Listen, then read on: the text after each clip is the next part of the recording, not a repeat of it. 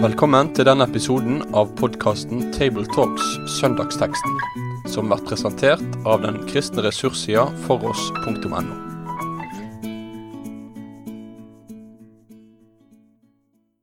Velkommen til en ny episode av Tabletalks. Rundt bordet i dag sitter Jorunn Sjåstad, redaktør i Bibelleseplanen Logos.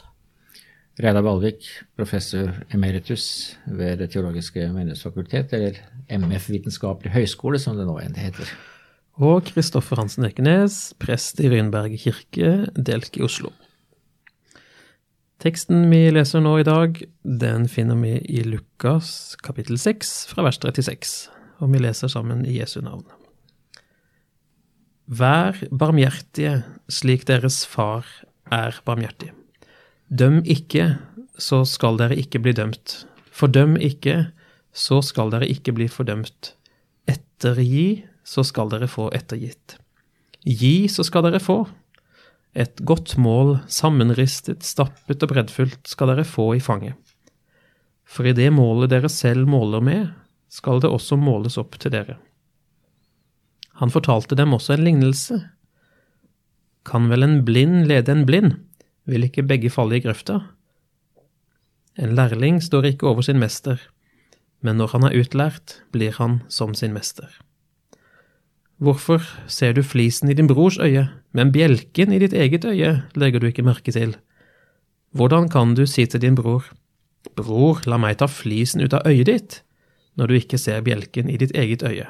Din hykler, ta først bjelken ut av ditt eget øye. Da vil du se klart nok til å ta flisen ut av øyet til din bror. Ja, da er vi inne i eh, Lukas' utgave av Bergprekenen, som den har fått navnet i, eh, i Matteus. Hos uh, Lukas kalles den ofte Sletteprekenen. Men vi er i hvert fall inne i en av Jesus' store taler, hvor han underviser disiplene sine om Guds rike, om det kristne livet, får vi si da.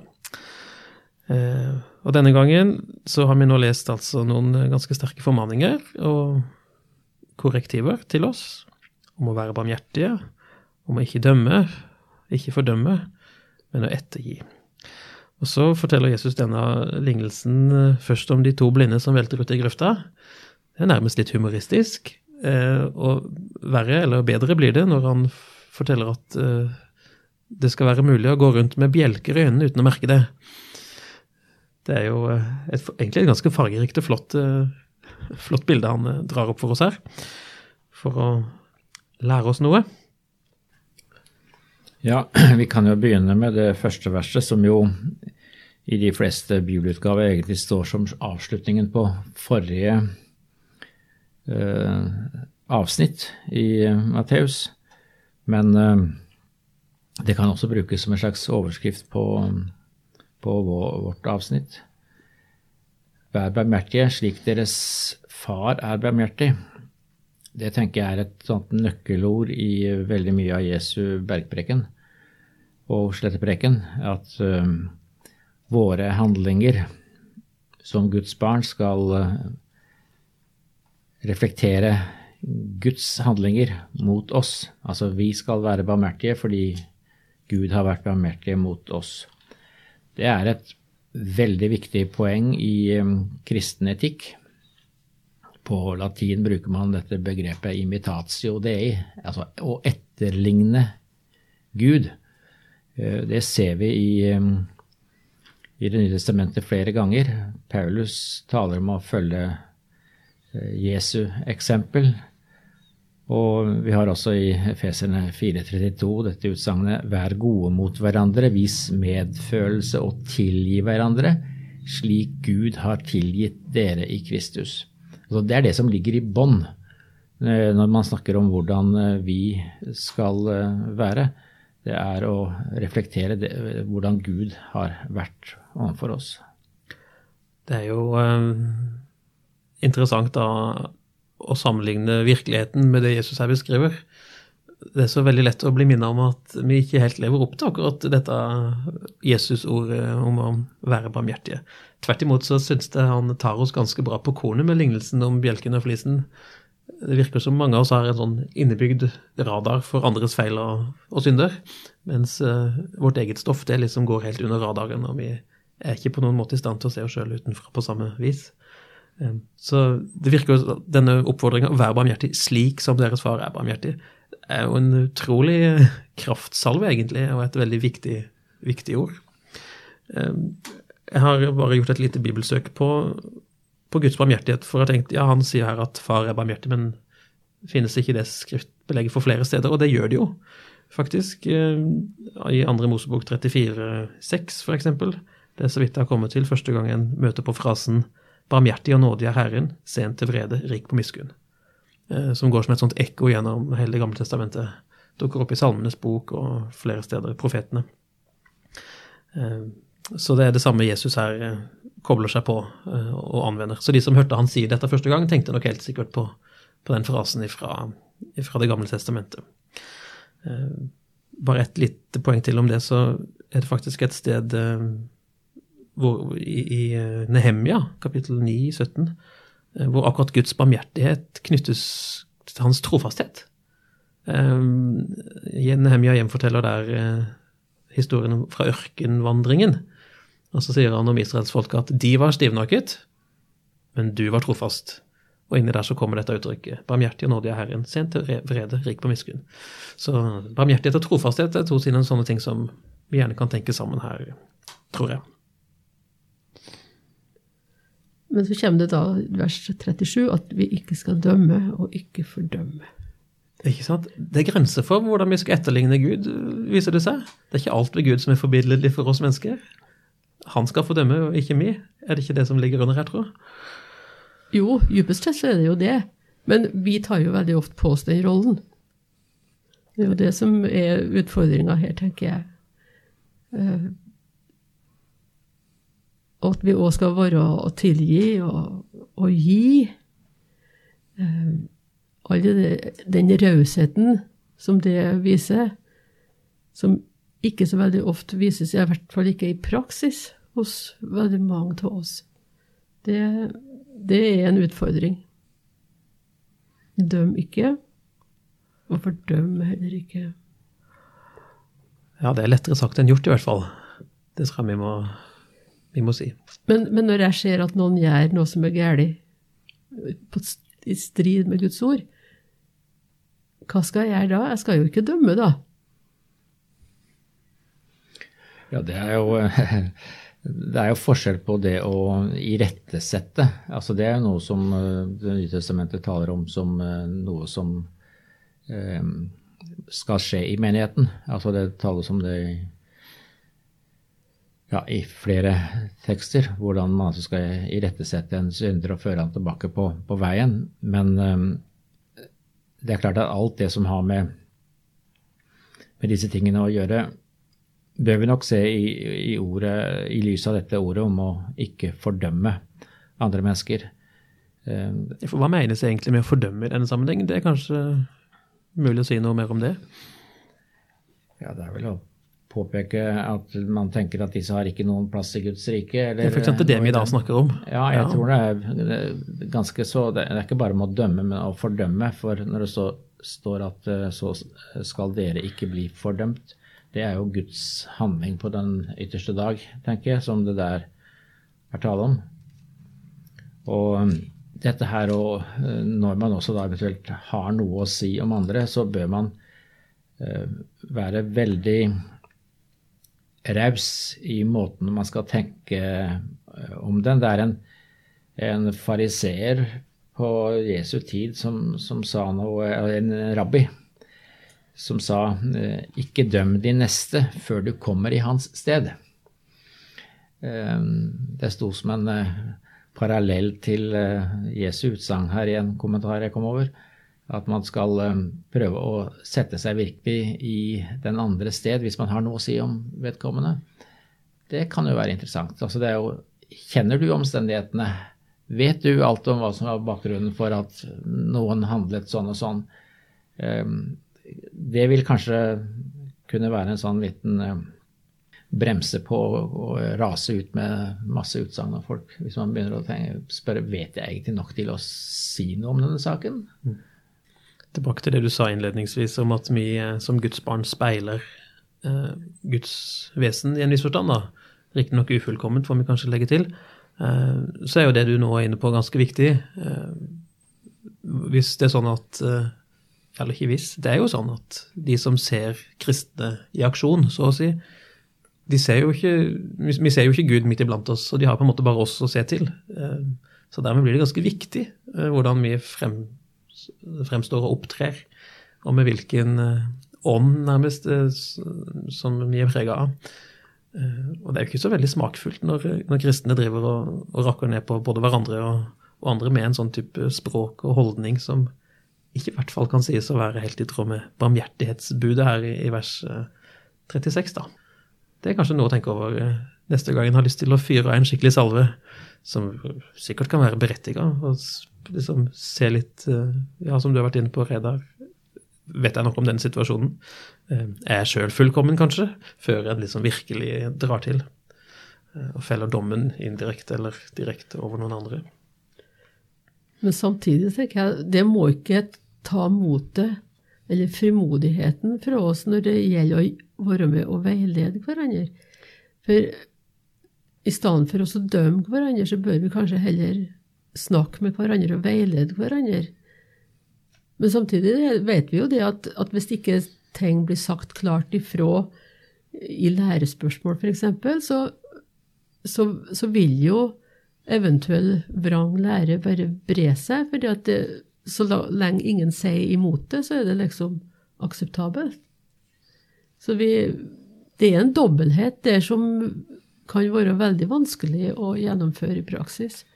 Ja, det er jo nok å se tilbake på sin egen karriere og hva en har prøvd å få til og ikke få til. å si. Men jeg tror kanskje noe av nøkkelen ligger i å lese vers 36 og 37 her eh, i sammenheng og i rekkefølge. Um, at den eh, formaninga eller irettesettelsen som en berettiga skal fremføre, skal være prega først og fremst av en barmhjertig holdning, eh, og ikke et ønske om å fremheve seg sjøl eller og først og fremst peke på andres feil, men faktisk at en kan kjenne og be Gud om hjelp egentlig til å gjøre dette med den barmhjertigheten som han sjøl dømmer oss med eh, når den tid kommer. Får vi jo håpe, da. Det i hvert fall sies det noe om disse tinga i teksten, om å bli dømt av Gud og fordømt av Han.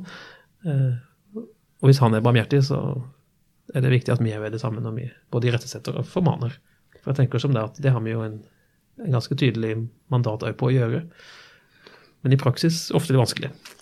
Jeg tenker her på et ord av, av Paulus i Galaterne 6, som jo er veldig eksplisitt når det gjelder uh, hvordan uh, man kan gjøre dette. Det er i kapittel 6 fra begynnelsen her. Mine søsken, hvis en av dere blir grepet i et feiltrinn, må dere som har ånden, hjelpe ham til rette. Altså ikke fordømme han og komme med sterke utsagn, men hjelpe ham til rette. Men gjør det med et ydmykt sinn, og pass deg selv så du ikke blir fristet. Bær byrdene for hverandre, og oppfyll på den måten Kristi lov. Altså Der er jo dette med å irettesette det er noe som oppfattes som noe som skal gjøres i, i ydmykhet, og eh, man skal også bære hverandres byrder. Det betyr at når man da ser at ting har gått galt, så er det veldig viktig å tenke både på barmhjertighet og ydmykhet, eh, slik at vi ikke legger byrder til eh, de som allerede har nok å eh, være plaget med, men er med å bære hverandres byrder. Jeg tror det er flere episoder i kirkens historie som vitner om at man er veldig flink til å si hva som er rett, men man har ikke vært flink til å hjelpe dem som har trådt feil. Og Det tror jeg er et kjempeviktig poeng å holde fast på i sammenhenger hvor man er veldig opptatt av uh, rett uh, lære og rett livsførsel. Det skal vi være, men vi skal også ha med denne barmhjertigheten og ydmykheten. Er det noe av det som ligger i vers 39 til 40? Eh, altså om den blinde som leder den blinde, det er at en tror at en er noe større enn en er. og, og dermed òg leder andre feil? Eller verset om lærlingen som ikke står over mesteren. Da er det jo det motsatte, tenker jeg. At du må ikke tenke at du er, er bedre enn den som skal veilede deg alltid. Jeg tenker, Det, det skisserer jo der forholdet mellom oss og vår mester, eh, vår far. Så på en måte så er det jo en sånn veldig nivellering ute og går her. Vi, vi settes jo alle på like fot, egentlig, her i denne verden. Visst er det noen som er hyrder og ledere og sånn, men dypest sett er vi alle egentlig bare Guds barn. Eh, så den ene mesteren er jo Jesus, og den ene far er jo faktisk Gud. Sånn at vi, vår veiledning skal jo på en måte ha det perspektivet med seg at jeg med mitt liv, mine tanker, står under Guds, eh, Guds dom, eller under hans overoppsyn, hadde han sagt. Eh, til denne dagen så er det en, en lesetekst fra Romene 14 hvor dette egentlig sies veldig, veldig poengtert. Jeg tenkte kanskje jeg kunne lese den. Eh, det er i Romerne 14 fra vers 10, eh, hvor Paulus snakker om samhold i menigheten. Så sier han, men du, hvorfor dømmer du din bror, eller hvorfor ser du ned på din bror? Så dette er jo ikke noen ny utfordring, skjønner vi da. Det er jo noe som har fulgt menneskeheten og den kristne kirke hele veien. For det står skrevet Unnskyld, nå hoppa jeg litt langt. Vi skal alle frem for Guds domstol. For det står skrevet, så sant jeg lever, sier Herren, for meg skal hvert kne bøye seg, og hver tunge skal bekjenne Gud. Så skal altså hver enkelt av oss avlegge sitt regnskap for Gud. La oss ikke lenger dømme hverandre, døm heller slik. Ingen må få sin bror eller søster til å snuble og falle. Stort mer poengtert kan det nesten ikke sies. Eh, her er det både en oppfordring til å se seg sjøl i det rette lyset, og samtidig ikke få sin bror eller søster til å falle. Og Det er jo en ganske dramatisk konsekvens. Eh, hvis den da likevel faller for fristelsen Fristelsen var fremme i det verset fra Galaterne som du òg siterte. Hvis den faller for fristelsen til å dømme, så kan en jo risikere at en egentlig fører sin bror eller søster til fall. Får de til å snuble, rett og slett, og falle fra trua.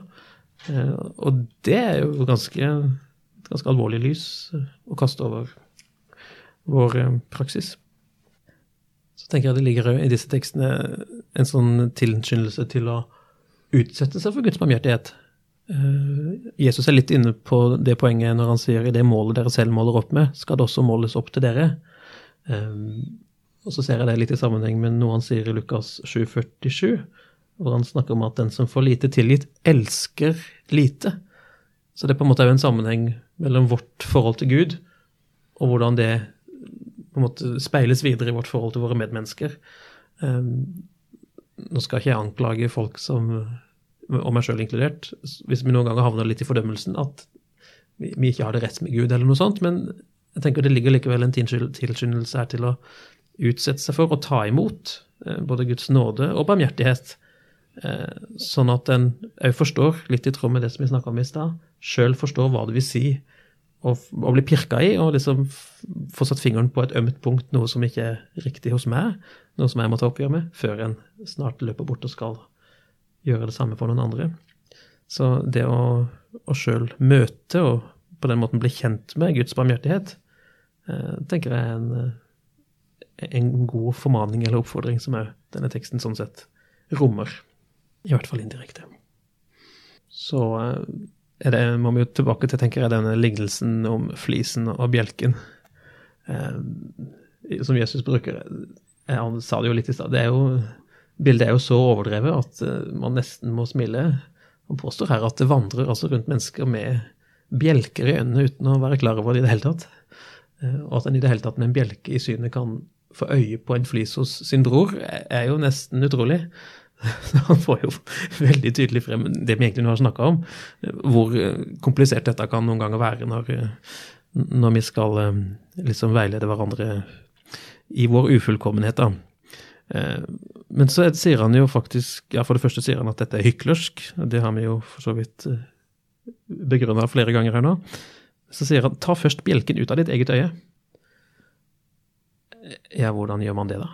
Altså, kan jeg, det er jo ikke sånn at jeg bare kan bestemme meg for at jeg skal fjerne eh, denne bjelken. For på en måte så, så er jo den knytta til mitt liv og min måte å leve på i denne verden på en sånn måte at den eneste som kan gjøre noe der, er jo Gud og Guds ånd. hvis det skal være håp om å få fjerna den bjelken, som da kanskje må være uttrykk for ja, viljen til fordømmelse eller det mangelfulle synet, eh, da må det skje med guddommelig inngripen, ellers så skjer det aldri. Og kanskje er det ikke håp om at det blir fullt ut realisert i dette livet?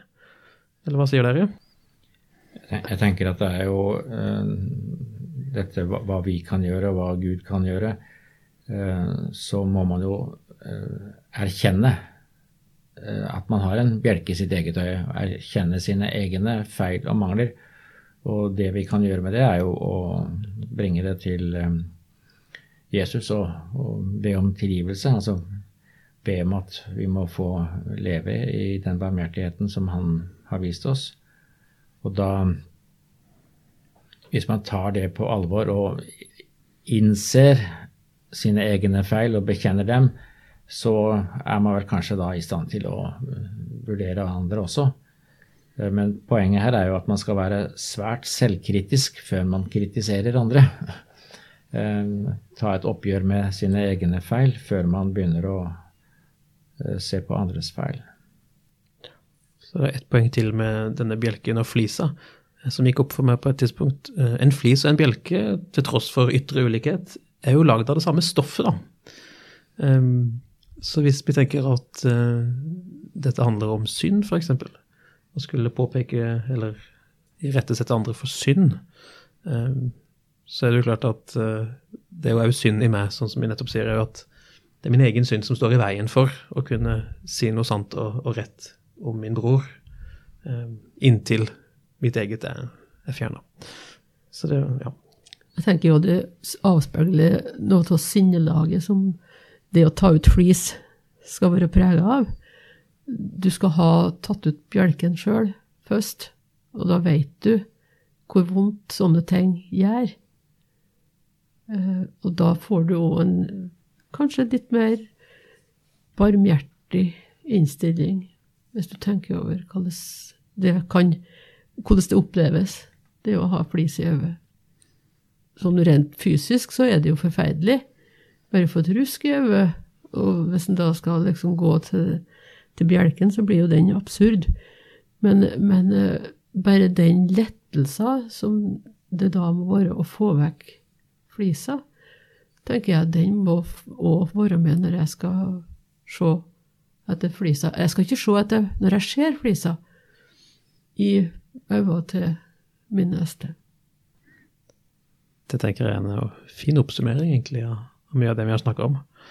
Ehm, så hvis vi skulle prøve å liksom dra det sammen til én setning, så ville jeg gjort det med et bibelvers eh, som vi nettopp har lest flere ganger, men det kommer tilbake til vers 36 og 37, eh, som en sånn egentlig god oppsummering av hva denne teksten lærer oss og minner oss om.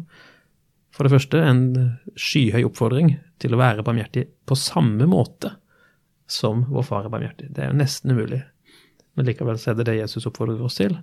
Og i neste omgang døm ikke. Fordøm ikke. Ettergi heller, så skal dere få ettergitt. Og med det så takker vi for oss og ønsker lykke til til alle som skal forkynne over denne teksten. Med det sier vi takk for følget for denne gang. Finn flere ressurser, og vær gjerne med å støtte oss på foross.no.